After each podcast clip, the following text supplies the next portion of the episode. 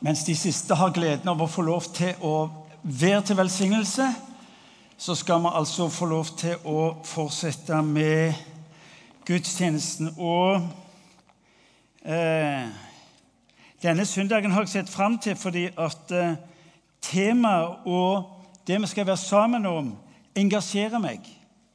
Eh, fordi det sier noe om Gud, hvem Gud vil være i våre liv. Så, eh, men før vi går inn på det altså Tenk deg den tanken at om ei uke, under ei uke så vil vi altså ha mer enn 2000 unge mennesker her inne. Og mange av dem er litt sånn, de er litt rotete i hodet, som unge mennesker kan være, og som godt voksne kan være. Altså Bare som at vi ikke utelukker noen her med det er hvordan møbleringa er. Men altså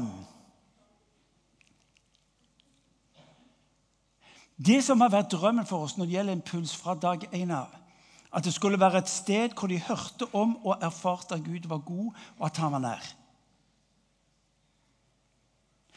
Det er mange som hører om og mener noe om, men det interessante er at i det øyeblikket du gjør en erfaring, så er det noe som skjer med livet ditt. Så er det noe som skjer med livet ditt.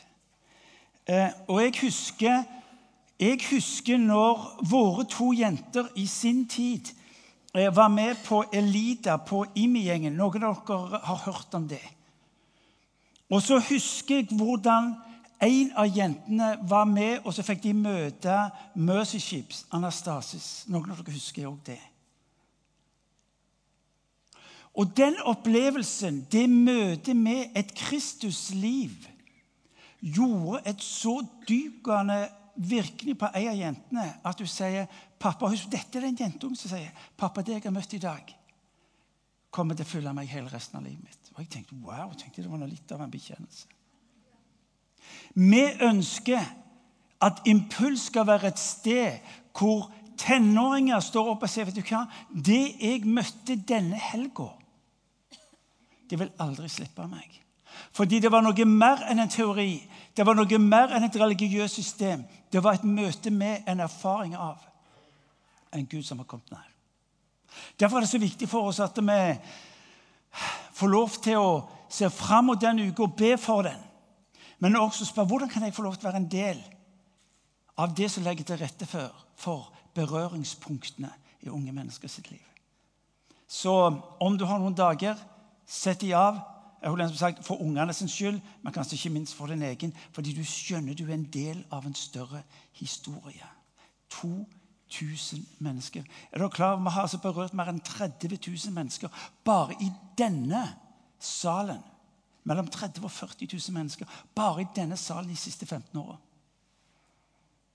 Det er all grunn til å være begeistra for det. Dere har sikkert trodde at det var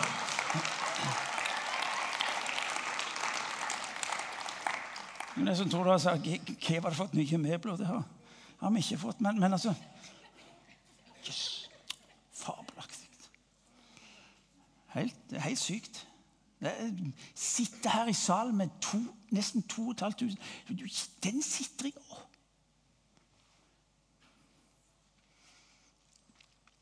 Yes. Jeg har ikke begynt ennå. Fordelen med min alder er at jeg synet mitt ikke helt på topp, så jeg ser ikke lenger klokka der bak. Så har de valgt å ha den så liten at jeg kan ikke la meg styre av den. Um, um, det var en mann som var på tur i fjellet, og, og han gikk seg vill. Og det er en omtrentlig sann historie. Og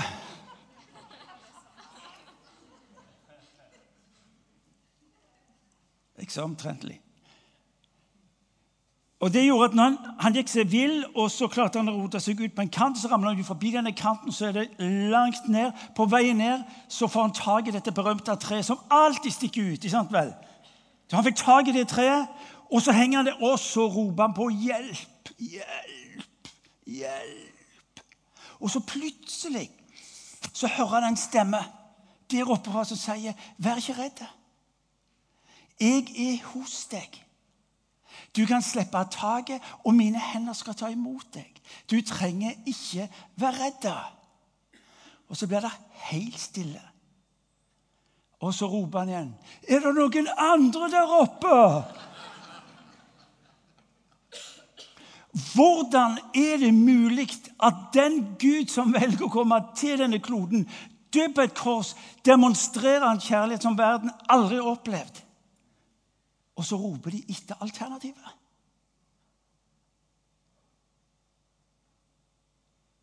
Er dere med meg? Hvordan er det mulig? Hvordan er det mulig at allmaktens Gud, som demonstrerer en kjærlighet som du og meg trenger, som ikke er situasjonsbetinget, som ikke ses i forhold til fortjenester eller innsats, men som rekkes deg fordi han elsker Hvordan er det mulig å velge han bort? Å, det er mange, sikkert mange forklaringer på det. Men, men, noe av det som har slått meg den senere tid, og som igjen og igjen det at Hvis du spør folk på gata Når du tenker kristendom, hva tenker du da? Så det er det enten kirkebygg eller bedehus. Det er klesdrakt, det er forhold til vin, alkohol Det er forhold til en hel masse ting det du får, og det du er imot. Er du med? Gå ut på gata og spør. Når du hører ordet kristendom eller kirke, hva tenker du da? Så vil de fleste ligge i kategorien av alt det antydningsvis det jeg nå snakker om.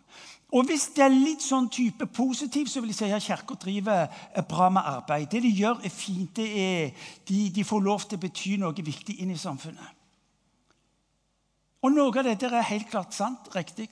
Og noe av det er helt på sida.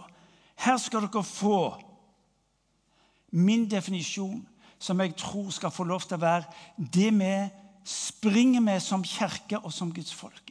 Kristendom er så enkelt som at Gud har kommet nær og har blitt værende. Det er godt sagt. Hva er kristendom for noe? Jesus har kommet nær, og han har blitt værende. Vet du hva? Det er en helt annen virkelighet å forholde seg til.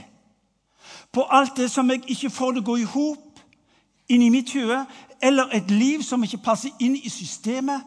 Og så blir spørsmålet kan jeg være en kristen. Hva er kristendom? Dette ufattelige at Jesus har kommet nær og har blitt værende. Kjære Gud, folkens, for en forskjell. Med alle de trossystemer som ikke jeg klarer å få på plass. Med et liv som godt kunne vært mye bedre. Og alt det der. Han har valgt det. Kristendommens dypeste innhold er at Gud har valgt å komme inn for å være nær, for å bli værende. Vet du hva? Da overlever jeg. Da overlever jeg som Martin Cave. Da overlever jeg og skulle få lov til å våge å tjene i denne verden med det som har med han å gjøre. Hvem i all verden er det som vil våge en bekjennelse av at jeg er med på hans rike uten at det var vissheten om at det var han som gikk foran? Det er noe der. Jeg går hvis du går. Jeg er med, jeg, men du først. Til alle tider er altså temaet eh, på den serien vi nå har begynt. Og Det som er målet for oss, det er at du og meg skal få lov til å få tak i at Gud er nær i livets mange ulike faser og fasetter. At Gud er en Gud som har brutt inn i verden. At Guds evangelium en Gud som handler inn i denne verden. Og som er nøkkelen til alt som har med kristendom å gjøre. Dere har hørt meg si det mange ganger, og dere skjønner sikkert etter hvert hvor avgjørende viktig dette er i mitt liv. Ingenting Martin, kan skille deg ifra min kjærlighet. Står det i slutten av romerbrevet. Ingenting, Martin. Ingenting. Ingenting. Han spør ikke til hvor du er hen, eller hva du roter deg opp i. Han antyder ikke hva som skulle vært annerledes i ditt liv. Han snakker ikke om hva du skulle en gang få hvis du bare gjorde de rette tingene. Han sier Martin, ingenting, ingenting, Ingenting kan skille deg fra min kjærlighet. Til alle tider perspektivet at han er nær. Og I dag så skal vi gå, eh, ha, ha, litt fulle med David, kong David. Bakgrunnen er at David, kong David han slåss på de fleste fronter. og Noen av oss kan gjenkjenne det i vårt eget liv. David, kong David i Israel, han, han, var den som var i permanent krig og konflikt med omgivelsene. Men han gjorde det mulig for kong Salomon og kong Salomon tok over, til å oppleve at det var fred på alle kanter i landet. Og han fikk lov til å bygge og utvide det som Gud hadde for ham. Så David var vel vant med å skulle slåss. David var vel vant med å skulle handle. David var vel vant med å skulle løse utfordringene og problemene. Salme 40 tar oss inn i en situasjon i Davids liv hvor situasjonen er annerledes. Det er ikke lenger det dynamiske, det er ikke lenger der hvor han vinner kampene. Det er ikke der hvor han utvider, men det er der hvor David sier 'jeg venter'. Jeg venter. Så la oss lese ifra Salme 40. Har du den på, har du den på skjermen? Hvis du ikke har den Jo, der kommer den, vet du. Og det jeg vil at vi skal gjøre, det er rett og slett å Helt riktig. Vi skal lese det sånn. Vi reiser oss, og så roper vi dette her ut. For det er nemlig et rop fra David der han sitter i grøfta. Satt. Jeg ventet og håpet på Herren. Han bøyde seg til meg og hørte mitt rop. Han dro meg opp av fordervelsens grav, opp av den dype gjørmen. Han satte mine føtter på fjell og gjorde skrittene faste. Kom igjen. Han la en ny sang i min munn, en lovsang til vår Gud. Mange skal se det og frykte, sette sin lit til Herren. Salig er den som stoler på Herren, som ikke vender seg til de stolte, til dem som faller fra i løgn. Store ting har du gjort for oss, Herre min Gud, underfulle verk og planer. Ingen er din like. Vil jeg fortelle og tale om dem, er de for mange til å telles. Du har ikke glede i offer og gaver. Du har åpnet mine ører. Brennoffer og syndoffer krever du ikke. Da sa jeg, se her kommer jeg, i bokrullen er det skrevet om meg. Min Gud, å gjøre din vilje meg, gir meg glede. Din lov er dypt i mitt indre. Jeg forkynte rettferd i den store forsamlingen. Leppene holdt jeg ikke lukket. Herre, du vet det. Din rettferd holdt jeg ikke skjult i hjertet. Jeg talte om din trofasthet og frelse. Jeg skjulte ikke din miskunn og sannhet i den store forsamlingen. Herre, du vil ikke holde din barmhjerte tilbake. Din miskunn og din sannhet skal alltid beskytte meg. For talløse ulykker omgir meg. Mine synder har nådd meg igjen. Jeg kan ikke se. Det er flere enn hårene på hodet. Motet har sviktet meg. Vis godvilje, Herre, og fri meg ut. Herre, skynd deg og hjelp meg. La alle som står meg etter livet, bli til skamme og til spott. La dem som vil meg vondt, Herre, trekke seg tilbake uten ære. De som ler og håner meg, skal bli slått av skam. La alle som søker deg, fryde og glede seg i deg. La dem som elsker din frelse, alltid si, Stor er Herren. Men jeg er hjelpeløs og fattig. Herren skal tenke på meg. Du er min hjelp, du berger meg. Drøy ikke lenger, min Gud. Amen. Vi møter David i en vanskelig situasjon i hans liv.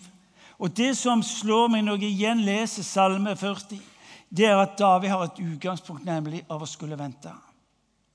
Når du og meg hører ordet 'vente', så er det for noen av oss sånn vi misliker ordet 'vente', for det må skje noe.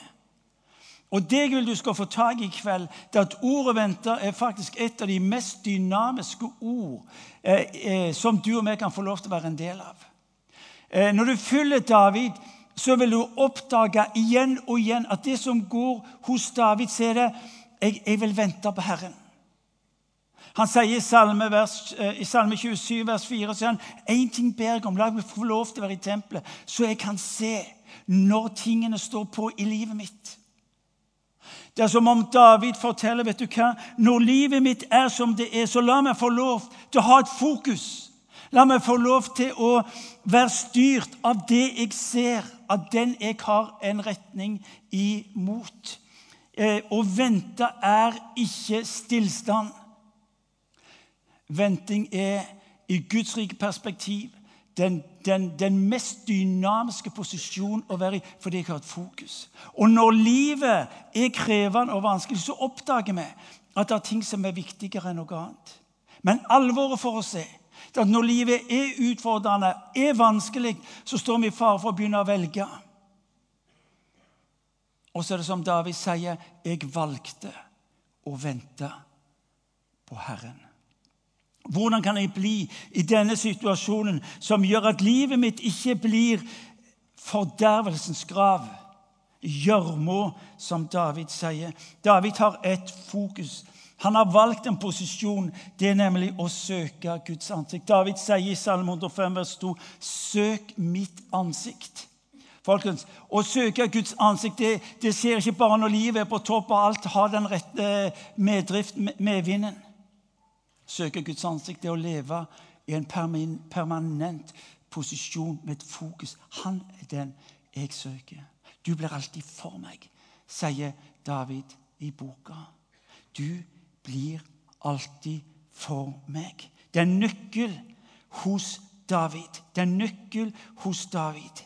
Og så lyder David, bekjennelsen for David fra vers 3. Eh, han, vers 2. Han bøyde seg til meg og hørte mitt rop. Han drog meg opp av fordervelsens grav. Eh, David står i en gammeltestamentlig posisjon hvor Gud er den som handler inn i verden. Du og meg og hør for tak i dette her, du og meg som Jesus sitt følgere, vi har et annet bilde. Vi har det komplette bildet av en Gud som ikke bare handla inn i verden, men som ble værende i verden er to forskjellige ting.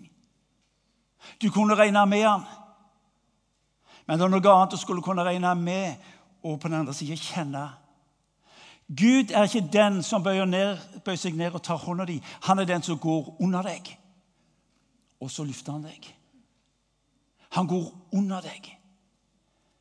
I evangeliet om Jesus Kristus, der han dør på et kors, er evangeliet om den Gud som steg ned, sier Paulus i Filippa kapittel 2. Da står han steg ned. Så langt ned at ikke noe menneske skal kunne definere seg ut forbi. Han er der. Han er der. Så kan ikke mørket gjøre det for mørkt for deg, sier salmisten. Han er der. Folkens, for Martin Cave er det det som er selve fundamentet skal være en Jesus' følger. Da hadde han bøyd seg helt ned. Når jeg ikke har vett til å løfte hånden og rope om hjelp, når jeg ikke er i stand til å holde tingene sammen, så vet jeg Han har bøyd seg helt ned. Og det gjelder deg. Når systemene ikke går på plass, eller livet ikke ble som vi skulle ønske det gjorde, eller jeg gjorde feil ting, gjorde synd, oppførte meg dumt, sa dumme ting så sa han ingenting av dette, Martin. Ingenting av dette vil hindre meg i å være den Gud i ditt liv som bøyer meg helt ned. Og det er mulig du opplever å være i denne fordervelsens grunn. Eller denne gjørma. Du kan gi det det navnet som er ditt, som passer for deg. Ikke vet jeg hva det er.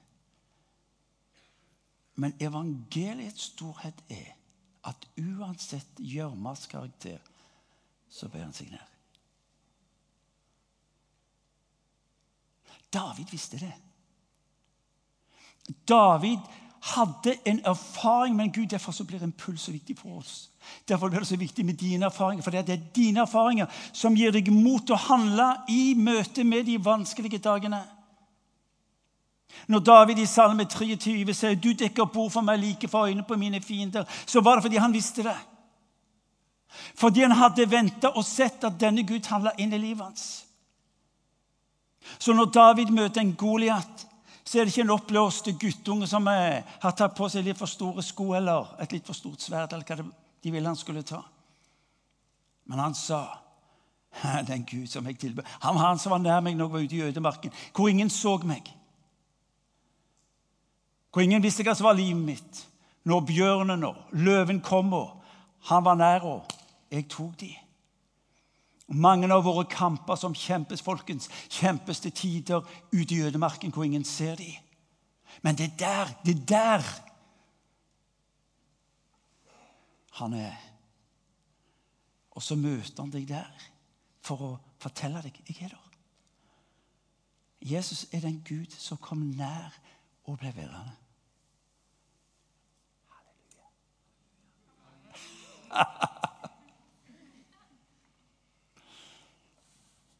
Fabelaktig. Kjære Gud. David venta. Eh, i den gamle oversettelsen står det 'Jeg venter på Herren'. Jeg venter, Det er et uttrykk for at jeg, jeg har et fokus. Jeg venter fordi jeg vet at han er der. Jeg venter fordi at jeg vet at han er der. Hør nå, kristendom handler ikke om deg, det handler om han. Det handler om han som har kommet nær, og som blir værende. Bare tenk deg den! Han blir værende. Jeg har så mange gode grunner for han skulle trekke seg tilbake. Kjære vene. Hvis det hadde vært mitt regime, og jeg hadde bestemt, så skal jeg fortelle deg Han ble værende. Derfor venta David. Folkens, det er nåde. Det er Guds nåde. Ubegripelig nåde. David venta fordi han visste at han var der. Tidligere erfaringer hadde overbevist ham om at Gud var nær. Og den situasjonen hvor han altså blir salva til å bli konge Han hører løftesordet, han kjenner olja på hodet. Gud taler inn, stadfester og bekrefter du er den kongen som skal lede mitt folk. Og så går det syv år. Og det er ingenting som minner om det som var løftet fra Gud på hvem han skulle bli. Men jeg venter. Jeg venter på Herren. Han kunne tatt shortcut, han kunne tatt snarvei på bauger og kanter. holdt jeg på å si. To ganger kunne han tatt livet av Saul og fiksa opp i det som han trodde var Guds plan. Men jeg venter på Herren. Jeg venter. Syv år. Fornedrelsen, forfølgelsen. Familie ble drept. Jeg venter. Jeg venter. Fordi han som jeg tror på, er nær. Noe av det vanskeligste ditt i mitt liv, det er å vente. For han vil ha svaret nå. Nå. Helst i går. Nå.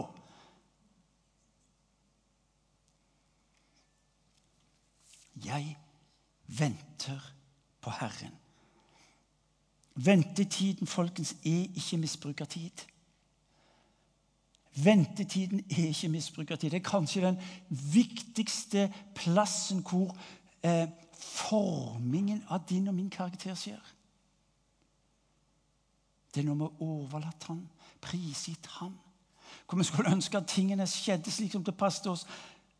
Og så velger David, og så lærer vi han å definere livet sitt, ikke ut ifra omstendighetene men ut ifra fokuset. Jeg venter. Jesus, jeg venter på deg. Ventetiden er ikke misbruk av tid, folkens. Tvert imot. Det er den mest dynamiske tida Gud velger at du og vi skal få lov til å være i. Jeg venter. Jeg venter. Og Kanskje er dette noe der vi utfordres. fordi at når vi må vente, så står vi i fare for å begynne å gjemme oss bort. Når livet blir vanskelig, når jeg ikke har svarene, Når det ikke går som i familien som jeg skulle ønske det gikk, når det ikke går på jobben som jeg skulle ønske det gikk, når ikke de tingene som jeg opplever Gud har lovt meg, kommer gjennom og blir virkeliggjort, så står jeg i fare for å trekke meg unna. Ta et skritt bak. Gjemme meg fra menigheten. La ikke menigheten bli en del av det som er smerten i livet mitt. Jeg venter på Herren. Ja, Men ser du ikke hvor håpløst det er, David? Ja, men det er ikke noe annet valg. Dessuten så har han sagt at han er der. Jeg venter på Herren. Ikke trekk deg unna. Ikke velg de andre alternativene. Er det andre alternativer der borte eller der oppe?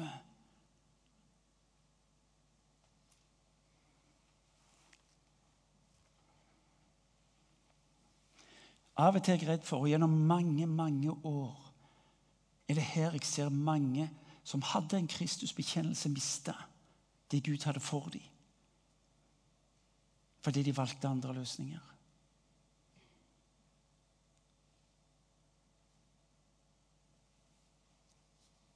For greia er det at det du fokuserer på, tar du imot ifra. Hvis, mitt, hvis min posisjon er å vente på deg, Jesus, så tar du imot ifra ham. Og du forvandler det som for deg kunne i øyeblikket være et fengsel, og så gjør det til et palass. Fordi at uansett hvor du måtte være henne, der du får lov til å være sammen med Kristus, er det ikke lenger omstendigheten som definerer kvaliteten på det livet du har, eller det du får lov til å bety.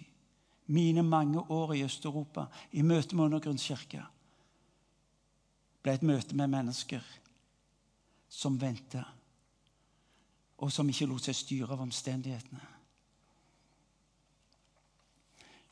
Dro meg opp. Gud søker alltid å dra oss opp. Fordervelsens grav, selvforskyldt misgjerninger. Litt lenger ute i, eh, i Salme 40 så snakker David om sine misgjerninger. Han snakker om sine synder. Vi kan forstå at Gud er nær å bære over med oss sånn igjen og igjen på det som vi var uheldige med, og nederlag osv. David har behov for David har behov for å si Gud, du må ikke stikke av. For mine misgjerninger er, de er så mange at de er mer enn de håret jeg har på hodet.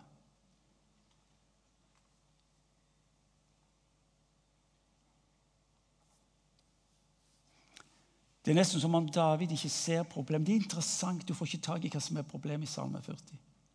Han snakker om fordervelsens grav. Det høres, det høres gyselig ut.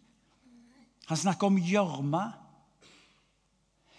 Men fokuset hans er ikke omstendighetene utover å skulle vente på den Gud han vet er nær. Den Gud han vet er nær.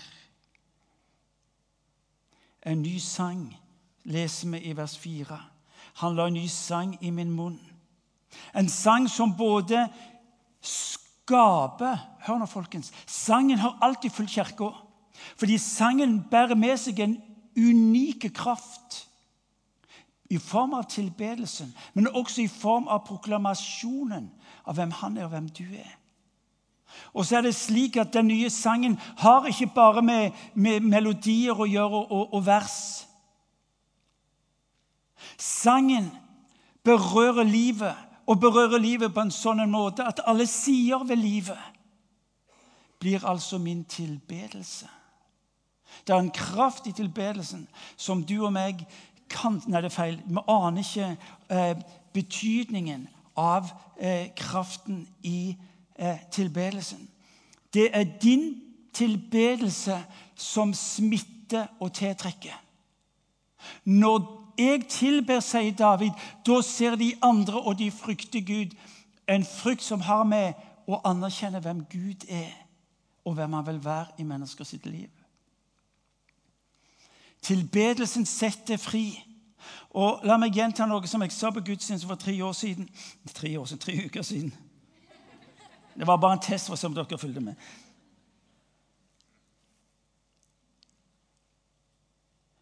Av og til så har det blitt slik at vi snakker om de rene hender som uttrykk for tilbedelse. Jeg har behov for å snakke om de skitne hender. Når tilbedelsen ikke går på plass, når vi ikke klarer å leve det livet vi gjerne skulle ha levd Når vi ikke fikk til, og så kan du legge dine ord og begreper inn i det Han har den sterkeste form for tilbedelse. Det er når du våger å løfte fram hendene og si 'Herre Jesus, sånn er jeg. Please.' Ikke stell med meg etter mine misgjerninger, men stell med meg for din barmhjertighets skyld. Det er det David ber om i vers 14. Og så er det den tilbedelsen, folkens, omgivelsene ser og vil ha tak i. Fordi de skjønner dette er jo ekte liv. Ekte liv. Er dere med meg? Dere som ikke nikker, hvor er dere henne?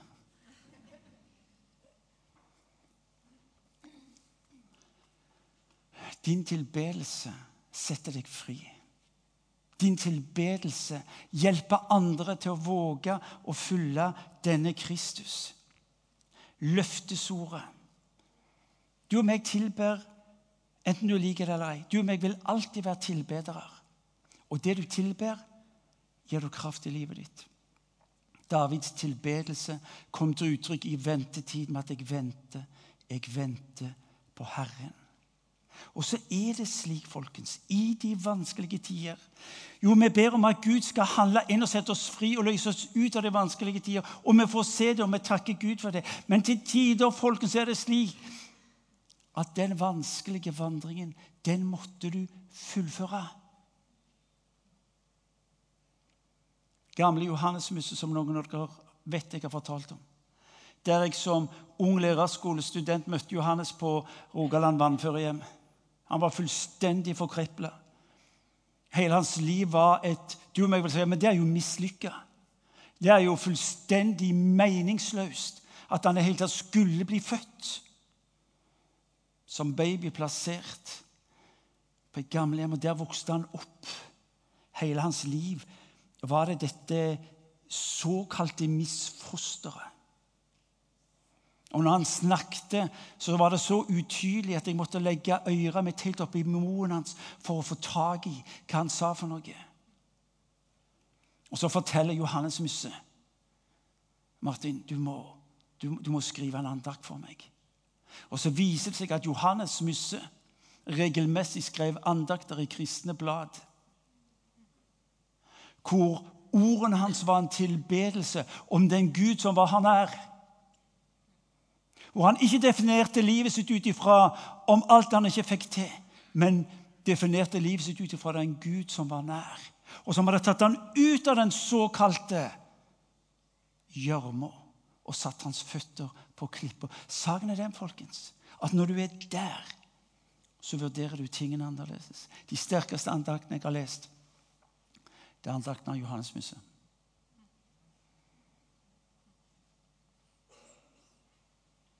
Folk For noen av oss kan det være at det som er det vanskelige, umulige, blir veien videre.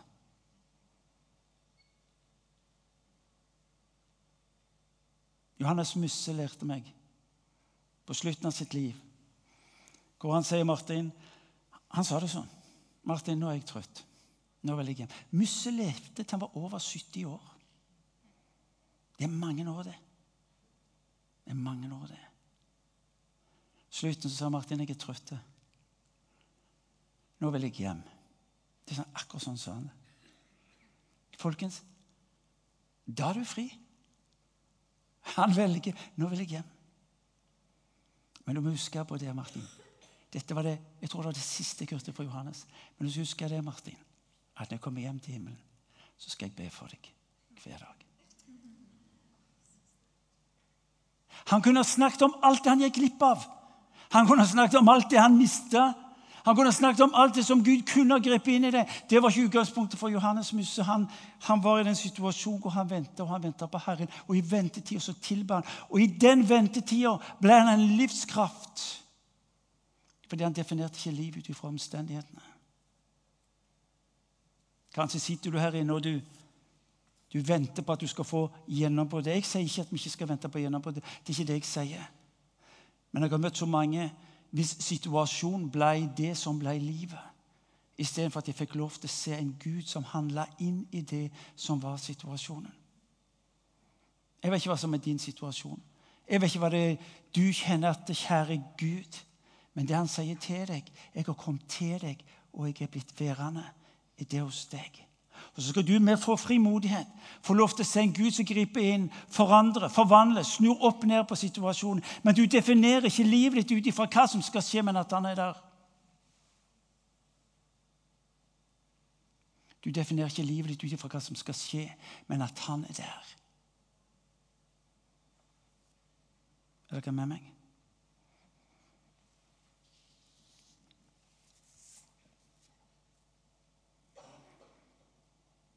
Noen av dere er i ventefase nå. Noen av dere er familiesituasjon, jobb, skole Hva det måtte være for noe. Dere er i en ventefase og dere ber om at Gud skal gripe inn. Hva blir tryggheten? Hva blir tryggheten i våre liv? Hvor er det vi søker hjelpen? Henter støtte når tingene treffer oss? Enten det varer av ei ukes varighet, eller det er resten av livet. Hvor er det vi henter kraften? David visste at Guds bevegelse var en bevegelse mot ham. Evangeliet, folkens, er en bevegelse av Gud den allmektige mot deg.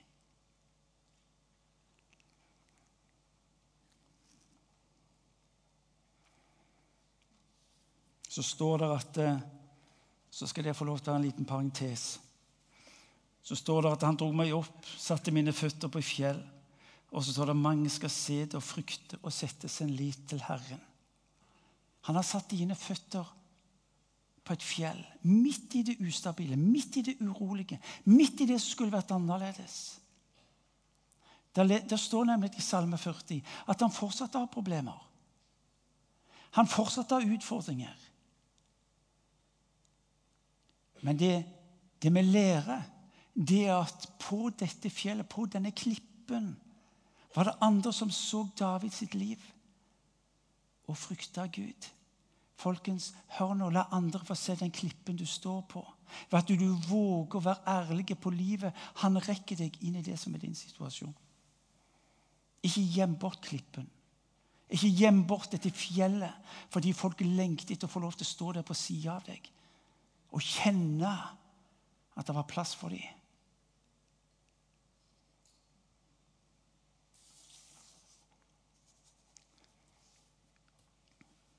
Til slutt. Jeg vil du skal ta med deg tre enkle erfaringer. Eh, Gud har gitt deg menigheten. Gud har gitt deg menigheten fordi at du skal få lov til å fullføre vandringen og bety det han har skapt deg for. Menigheten er ikke et interessefellesskap. Det er ikke en religiøs klubb. Det er ikke en sted hvor folk med felles interesser kommer sammen eh, mer eller mindre regelmessig. Menigheten er det stedet hvor han har sagt 'jeg er der'. Om du er i tvil, om du sliter med å tro at jeg er en Gud som er kommet ned og blitt værende, så ta imot nattværen. La meg få lov til å minne deg på at i nattværen så møter jeg deg og bekrefter det jeg har sagt. Hver søndag eller hver gang du møter ei mindre gruppe, så er det en påminnelse om at Gud har kommet nær, og jeg vil være nær deg. I ventetida, når du kjenner på at livet skulle vært annerledes Nå står en nydelig beretning i, eh, i, i eh, første Samuels bok. Eh, dere husker beretningen om David. Saul ble forkasta som konge. David ble satt inn som konge. Jonathan, sønn av Saul, skulle blitt konge etter faren. Men Jonathan skjønte, ut ifra hva Gud eh, hadde gjort i Davids liv, at han var nødt til å tenke annerledes. Og så fortelles det om David at han lever i fortvilelsen. Han lever under forfølgelsen. Og så står det en dag at David holdt seg til i ørkenen, står det i eh, kapittel 23 i 1. Samuels bok, eh, fra vers 15. Mens David var Horesja i Sif-ørkenen, fikk han vite at Saul var dratt ut for å drepe ham. Men Jonathan Sauls sønn, dro av sted og kom til David Horesja. Der står det han hjalp ham å hente nytt mot hos Gud. Vær ikke redd, David. Sønn av Saul. Sønn av Saul som visste at David ville ta hans plass, hadde skjønt hvem Gud var.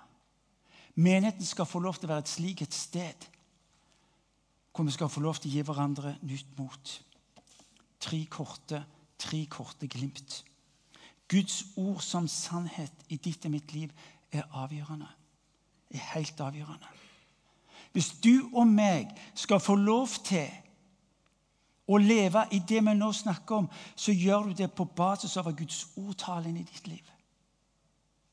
Du leser i i eh, Salme 40 så leser du hvor David sier, 'Herre, i vers 12, du vil ikke holde din barmhjertighet tilbake. Skal du og meg våge, orke å bli værende i ventefasen som tar våre liv, så knytter Gud den ventinga til seg og sitt ord. Og så lyder det fra David, Herre, du vil ikke holde din barmhjertighet tilbake. Og så er det slik eh, Så går jeg der, Martin, så går jeg der og sier, Herre, du vil ikke holde din barmhjertighet tilbake. Og så er det det ordet jeg går og bekjenner. Herre, du vil ikke holde din barmhjertighet tilbake. Det er det jeg trenger i den fasen jeg er i. Herre, du vil ikke holde din barmhjertighet tilbake. Står opp om morgenen og så sier jeg, Jesus, takk for at du ikke vil holde din barmhjertighet tilbake.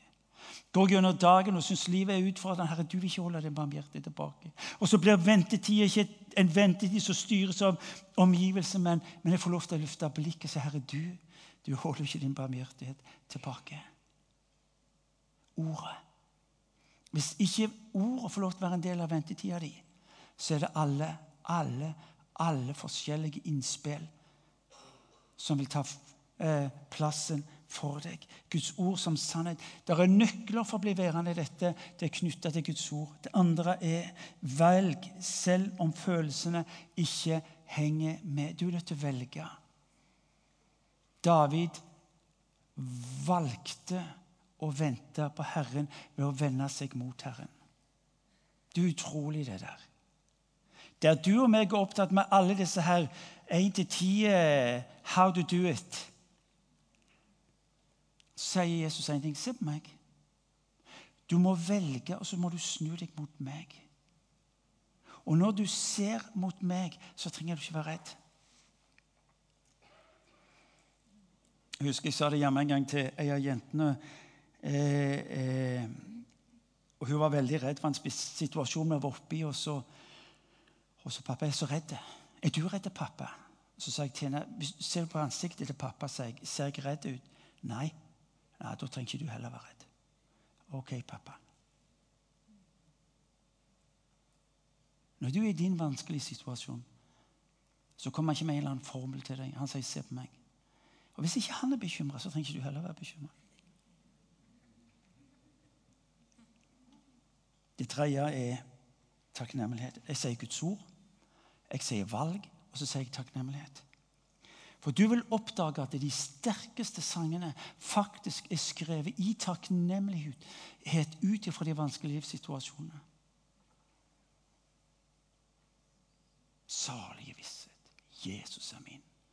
Fanny Crosby, blind. Takknemlighet.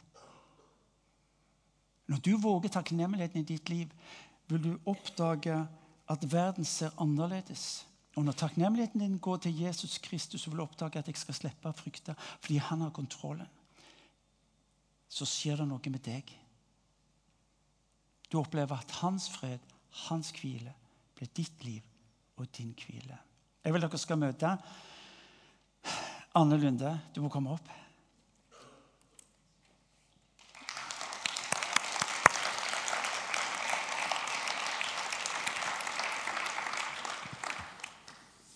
Anne Lunde er Dette sa jeg på sist gudstjeneste òg.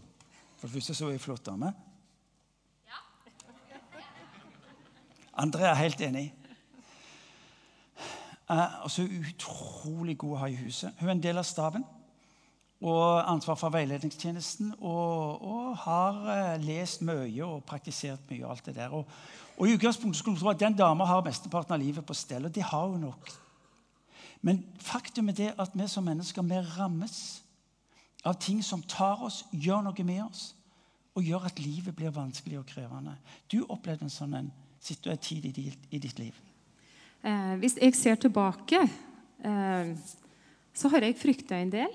Eh, for 10-15 år siden så eh, hadde jeg perioder jeg var deprimert. Livet var ikke like lett. Og, og noe av det som eh, lå til grunn, var det at jeg ikke kjente Hadde en følelse av å være forlatt. Eh, og når Martin spurte litt om jeg kunne si noe, hva betyr denne salmen for deg, eh, salme 40 om at Gud har løfta deg opp av fordervelsens grav, så har det vært en salme for meg som jeg kjenner at vet du hva? Min identitet den er ikke lenger i det å være deprimert. For Gud løfta meg opp av den grava. Eh, min identitet er ikke å være forlatt.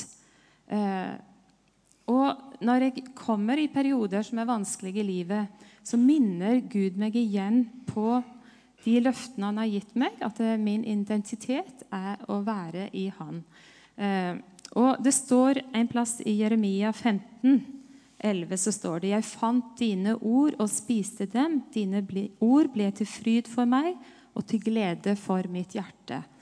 Eh, og det er jo ikke sånn at alltid livet er like enkelt. fordi om Gud har løfta deg opp av fordervelsens glad, så møter du av og til utfordringer i livet. Og Det er ikke alltid sånn at han nødvendigvis har tatt meg ut av smerten. Men jeg opplever det at jeg har fått lov til å fòre meg med Guds ord, eh, og at Guds ord holder. At han løfter meg opp, og at han holder fast, eller at jeg kan få lov til å holde fast i hans hånd. Og Det er utrolig flott. Og så nevnte du det ordet, Martin, om takknemlighet. Og Det er klart det å få lov til å ha gått i denne menigheten og få lov til å ha støtta meg til folk som òg har løfta meg opp og vært eh, Jesus eh, konkret i form av personer, det har òg eh, vært med og støtta og gitt meg hjelp i disse fasene. Så jeg er utrolig takknemlig for å ha vært en del av denne menigheten. For min identitet og din identitet er ikke å være deprimert og være forlatt. Det gleder jeg meg over.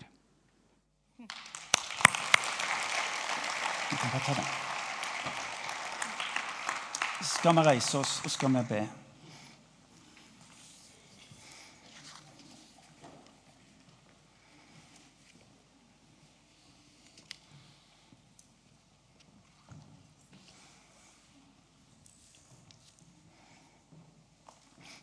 Jeg vet ikke hva som er din situasjon. Jeg vet ikke hva du opplever har vært en ventetid i ditt liv. Men det jeg vet, det er at den Jesus jeg tror på, han har kommet ned deg, og han er der.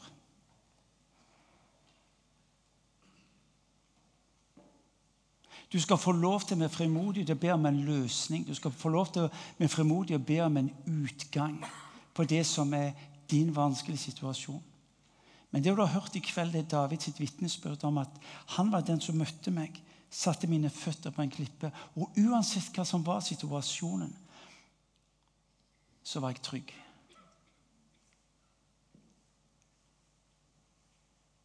Midt i det vanskelige lyder lovsangen. Midt i det umulige forstått av andre lyder ser vi vandringen. Du gjorde mine trinn faste, sier David. Ventetid er ikke passivitet, folkens. Ventetid er ikke sånn en Nå må få tingene plass, og så kan vi langt ifra. Ventetid er samtidig vandringstiden. Ventetiden er samtidig som det lyder en ny sang fra Bethel, en nydelig sang om From the Promised Land. Det lyder en sang fra løfteslandet. Det lyder en sang fra Løftesland at du er fri midt i det som du opplever tar deg. Det er evangeliet. Det er evangeliet, folkens. Og det er det jeg vil du skal ta med deg og ta inn i det som er din situasjon i kveld. At når du går herifra, så vet du at du, Gud, du trekker ikke din barmhjertighet ifra meg. Gud, uansett hva jeg ser eller ikke ser, føler eller ikke føler, så sier du, Gud, du er den som har kommet for at jeg skal ha liv og overflod.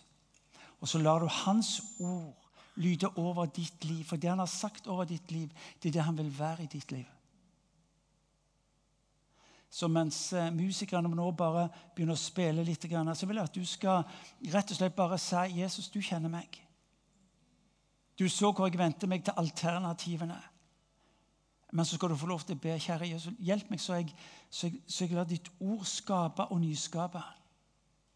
Gi meg mot til å velge, Herre, slik at jeg, jeg velger ditt ansikt og ikke de mange andre som forvirrer meg. Herre, hjelp meg å forløse takknemligheten slik at uh, kraften i takknemligheten kan bli det som også gir meg liv en retning som gjør at andre ser deg. Så la oss uh, bare være der i, i, uh, innenfor Guds ansikt, og så spiller vi litt, og så, og så skal vi be en bønn, og så skal vi tilbe Gud sammen.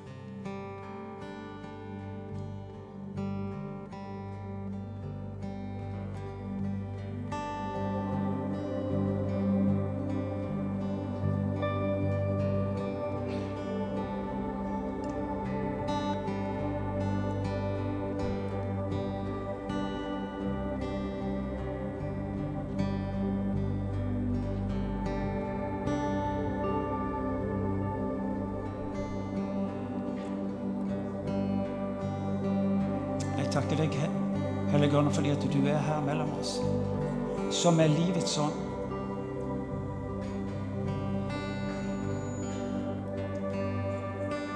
Far, jeg takker deg fordi at uh, du kjenner våre liv. Du kjenner vår vandring, du kjenner våre gjerninger.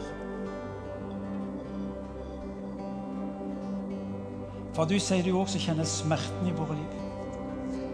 Du sier du vet om frustrasjonene, du kjenner fortvilelsen. Far, du kjenner alt det vi er opptatt med å holde opp for deg og for hverandre og for oss sjøl.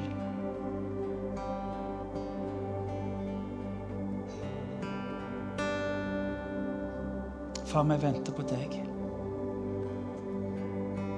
Vi venter på deg, Gud, og så ber vi om at du på en fornya måte skal, som du sjøl sier, ta bolig i det som er vår situasjon.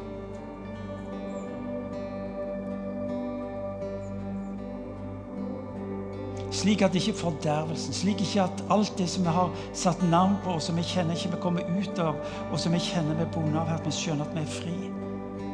Fordi du er der.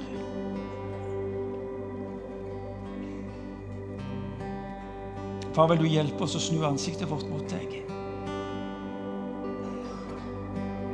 Slik at vi forstår at vår identitet er ikke i det som vi ikke fikser, Herre, men at den får lov til å være i deg.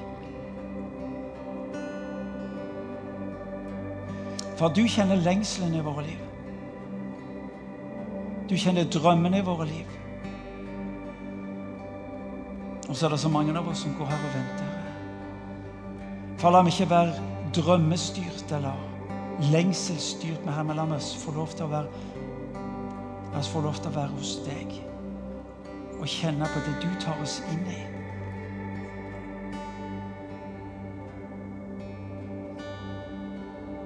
For der vi så død, så du livet, Herre. Der vi så det håpløse, så du håpet, Herre. Der vi så elendigheten, så du den herlighet som du ønsker å velsigne og berøre vårt liv med. Far, meg innenfor ditt ansikt. Herre, vi venter på deg. Og vi vil bekjenne som David, Herre. Du ikke bare tok vår hånd, men du gikk under våre liv satte de på en klippe. La oss få kjenne Gud i møte med livets mange ulike fasetter. For vi står på en klippe, vi står på hos deg, Jesus. Så Helligånd, nå ber jeg du skal komme til den enkelte av oss som her inne.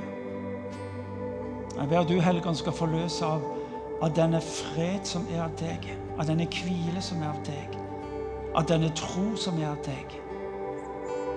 Jeg ber for at du skal ta oss inn i ditt ord at du skal åpne både ditt ord for oss, men også åpne oss for ditt ord. Slik at ditt ord kan skape og nyskape. Herre, Du vil ikke holde din barmhjertighet tilbake, sier du.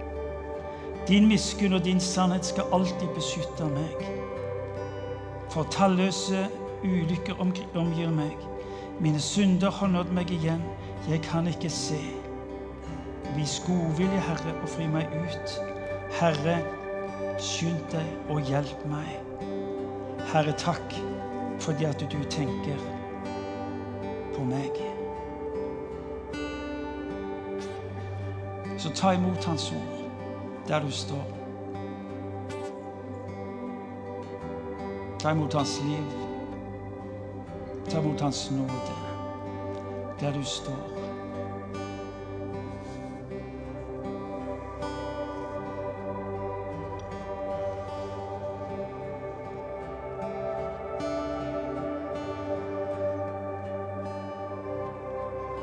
Ta imot der du står.